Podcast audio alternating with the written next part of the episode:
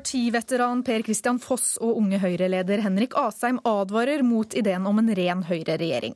De tror en slik regjering vil ha vanskelig for å overleve. Det var KrF-leder Knut Arild Hareide som pekte på muligheten mandag denne uka. Eksempelvis eh, finnes det da en mulighet for en ren Høyre-regjering? Jeg skjønner at det for mange Høyre-folk er en drøm. Men i den politiske virkelighet kan det vise seg å være meget vanskelig. Særlig hvis regjeringen må lene seg både på partier til høyre for seg og til venstre for seg. Da vil jeg si at det er en nesten umulig posisjon.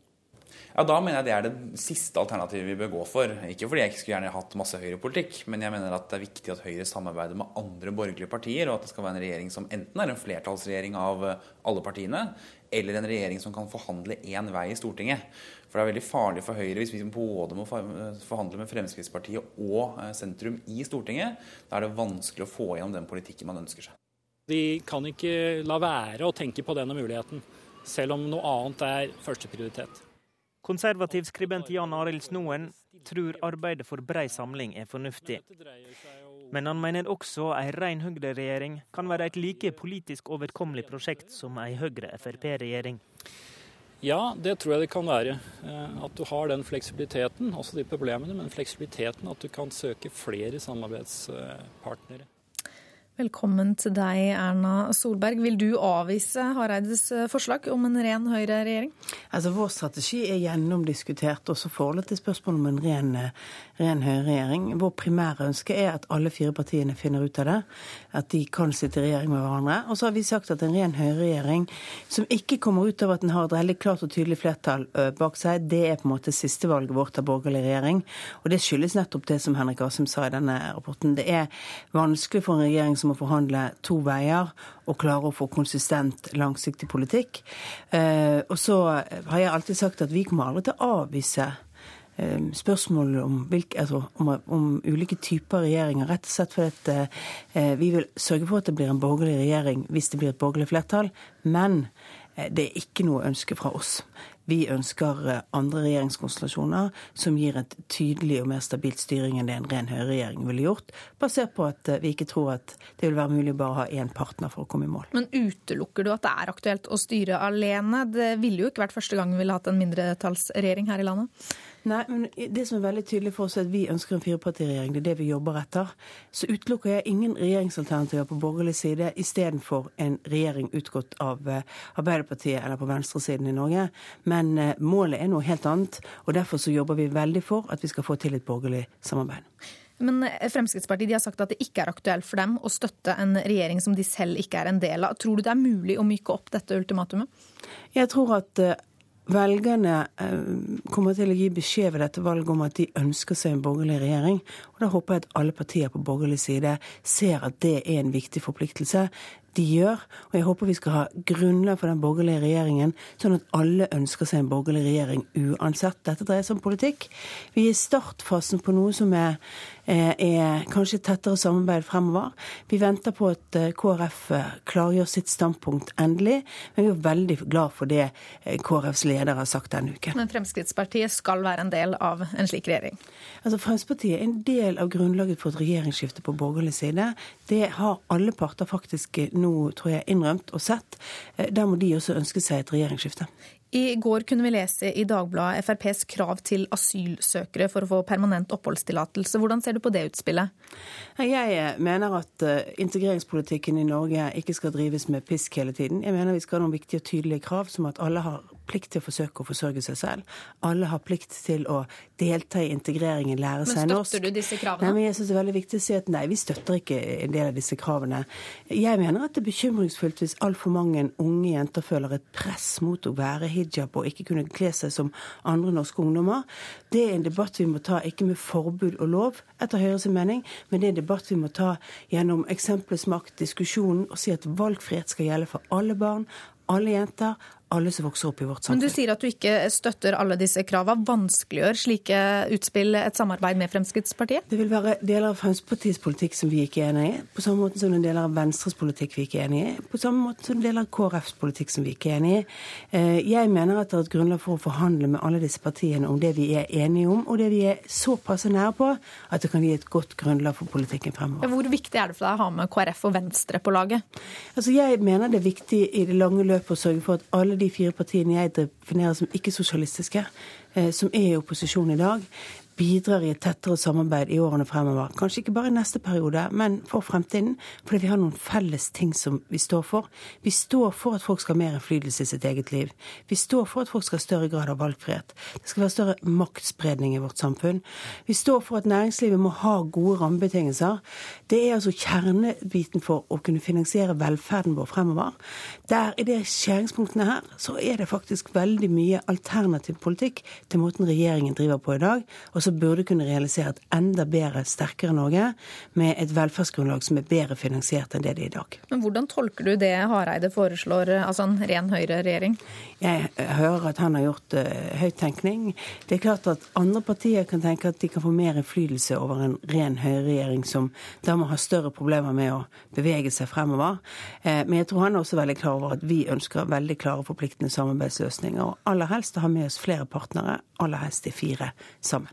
Vi var inne på FrPs ultimatum i forhold til regjeringsdannelse, men vil det å følge handlingsregelen være ditt ultimate krav til et samarbeid med Frp? Det å føre en økonomisk ansvarlig politikk er grunnlag for at Høyre sitter i regjering. Høyre sitter ikke i noen regjering som ikke fører en økonomisk eh, ansvarlig politikk. Og i Norge i dag så er den eh, er den identifisert med å følge handlingsregelen. Men jeg mener at dagens regjering følger jo ikke handlingsregelen. For handlingsregelen besto ikke bare i hvor mye penger du skulle bruke, den besto også i hva vi skulle bruke penger på. Denne regjeringen har ikke brukt de nye pengene på å bygge vekstkraften i norsk økonomi.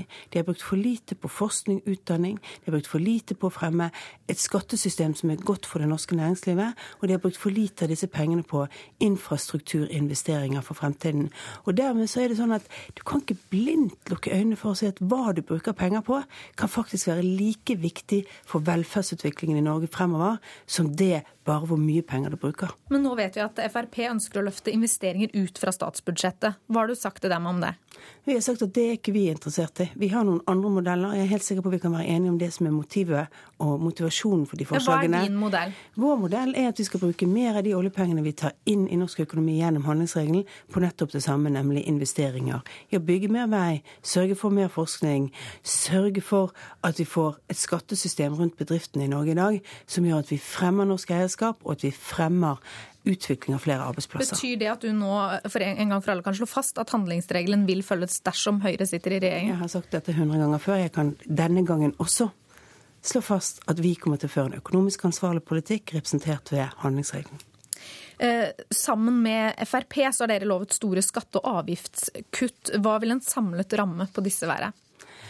Altså En samlet ramme på våre skattelettelser, det som ligger i det programmet vi styrer på for denne perioden, for vi har jo ikke vedtatt det nye programmet vårt, og landsmøtet vårt skal gjøre det til våren, det har en nettoramme på mellom 15 og 20 milliarder kroner i løpet av altså en fireårsperiode når vi er ferdig med innføringen av det. Eh, vi har ikke forhandlet med Frp om hvilke skattelettelser som skal gjennomføres. Eh, det vil vi måtte se på når vi skal forhandle tettere med alle de partiene vi ønsker skal være med på å, å være med i den regjeringen. Jens Stoltenberg advarte i går mot økonomisk uro i Europa og en borgerlig regjering i Norge. Hva vil du si til han? Det er flere enn han som kan styre Norge. Vi har styrt før. Når han kom når han kom til regjeringslokalene, så skrev Arne Strand han kommer til dekket bord. Det var fordi da hadde vi ryddet norsk økonomi. Vi hadde en særnorsk vanskelig periode i perioden 2001 til 2003 med høy kronekurs, problemer for norske bedrifter. Det ryddet vi opp i. Det var grunnlaget for at det gikk så godt i de første årene for denne regjeringen. Det bør han huske på. Jeg tror ikke at han vinner på skremselspropaganda.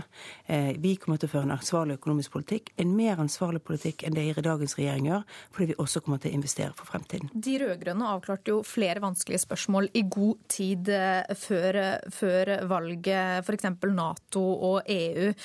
Vil dere sette dere ned på borgerlig side og gjøre det samme, og i så fall når? Jeg kan garantere både for Nato- og EU-standpunktene til de fire partiene. Det har ja, vi avklart for lenge siden. Dere er. Det er noen punkter jeg håper vi kan klare å avklare før det. Men vi er altså ikke der ennå. Eh, Kristelig Folkeparti skal avklare sitt standpunkt til regjering til høsten. Og det er jo på en måte startpunktet for hvordan man kan gå videre på borgerlig side. I dag møter dere pressen til sommeravslutning. Hva er ditt eh, viktigste budskap der? Mitt viktigste budskap er at eh, statsministeren må si det han sier han skal gjøre, nemlig prioritere innenfor utdanning. Vi kommer ikke videre i en skolepolitisk debatt hvis regjeringen hele tiden sier at de gjør mye på det viktigste området, nemlig å satse på lærerne. Det gjør de ikke. Det kommer jeg til å bruke tid på på min eh, pressekonferanse. Takk til deg, partileder Erna Solberg.